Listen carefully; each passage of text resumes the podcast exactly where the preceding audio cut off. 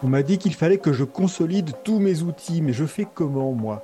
Bienvenue, vous êtes sur le podcast J'ai pas le temps pour ça, présenté par Eric Boucher.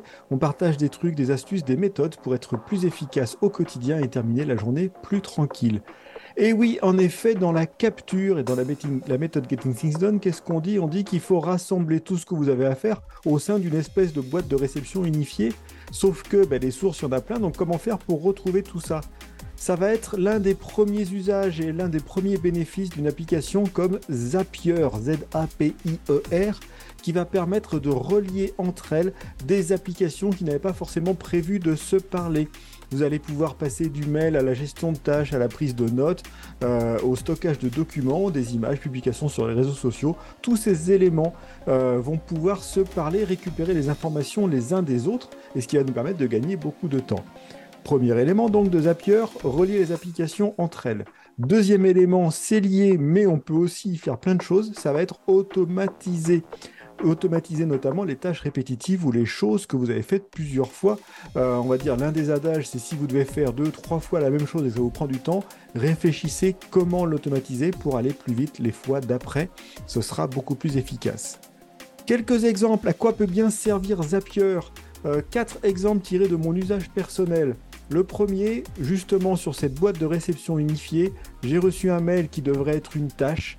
J'ai un moyen de transformer cet email de Gmail en tâche Todoist. C'est l'un des intérêts de Zapier. Deuxième élément, vous avez une carte Trello qui arrive à échéance. Vous pouvez envoyer un message sur votre messagerie d'entreprise, que ce soit Slack, Teams ou un SMS ou un email, comme vous préférez.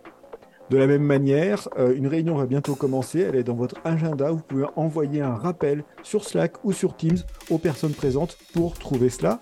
Et dernier élément qui commence à être de plus en plus courant de manière native aussi avec les gestionnaires d'applications ou de réunions, préparer, créer le document de compte-rendu de réunion dans Dropbox. Si vous utilisez Dropbox, ça peut être OneDrive, ça peut être d'autres stockages. Ça va créer le fichier, le pré-remplir avec les éléments de la réunion en prenant les informations du calendrier. Donc, toutes des petites choses qui vont soit me faire gagner du temps, soit éviter que j'oublie. Si vous voulez plus de détails, je vous mets aussi, pour ceux qui vont lire la transcription ou en tout cas accéder à la page du podcast, des exemples issus du blog de Zapier lui-même. Et il n'y en a pas que un on a déjà cinq catégories d'exemples. Ici, pour automatiser la gestion de projets, créer des tâches de manière régulière, créer des tâches d'une application à l'autre, il y a plein de possibilités.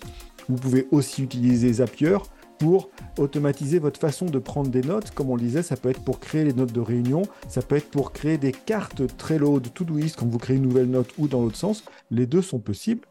Vous allez pouvoir aussi l'utiliser pour automatiser votre email, par exemple, pour certaines personnes, sauver les pièces jointes automatiquement.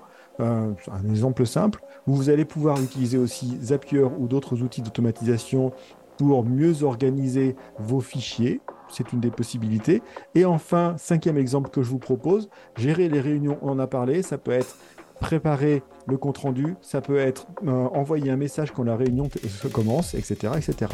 Vous le voyez, plein d'usages. Zapier est une des possibilités des outils d'automatisation. Il y en a de plus en plus qui se deviennent disponibles. Donc regardez encore une fois ce que vous pouvez en faire. L'idée, comme toujours, c'est de gagner du temps dans ce que vous allez faire de manière répétitive et quand on va relier les applications les unes entre elles, ne rien oublier de ce que vous avez à faire.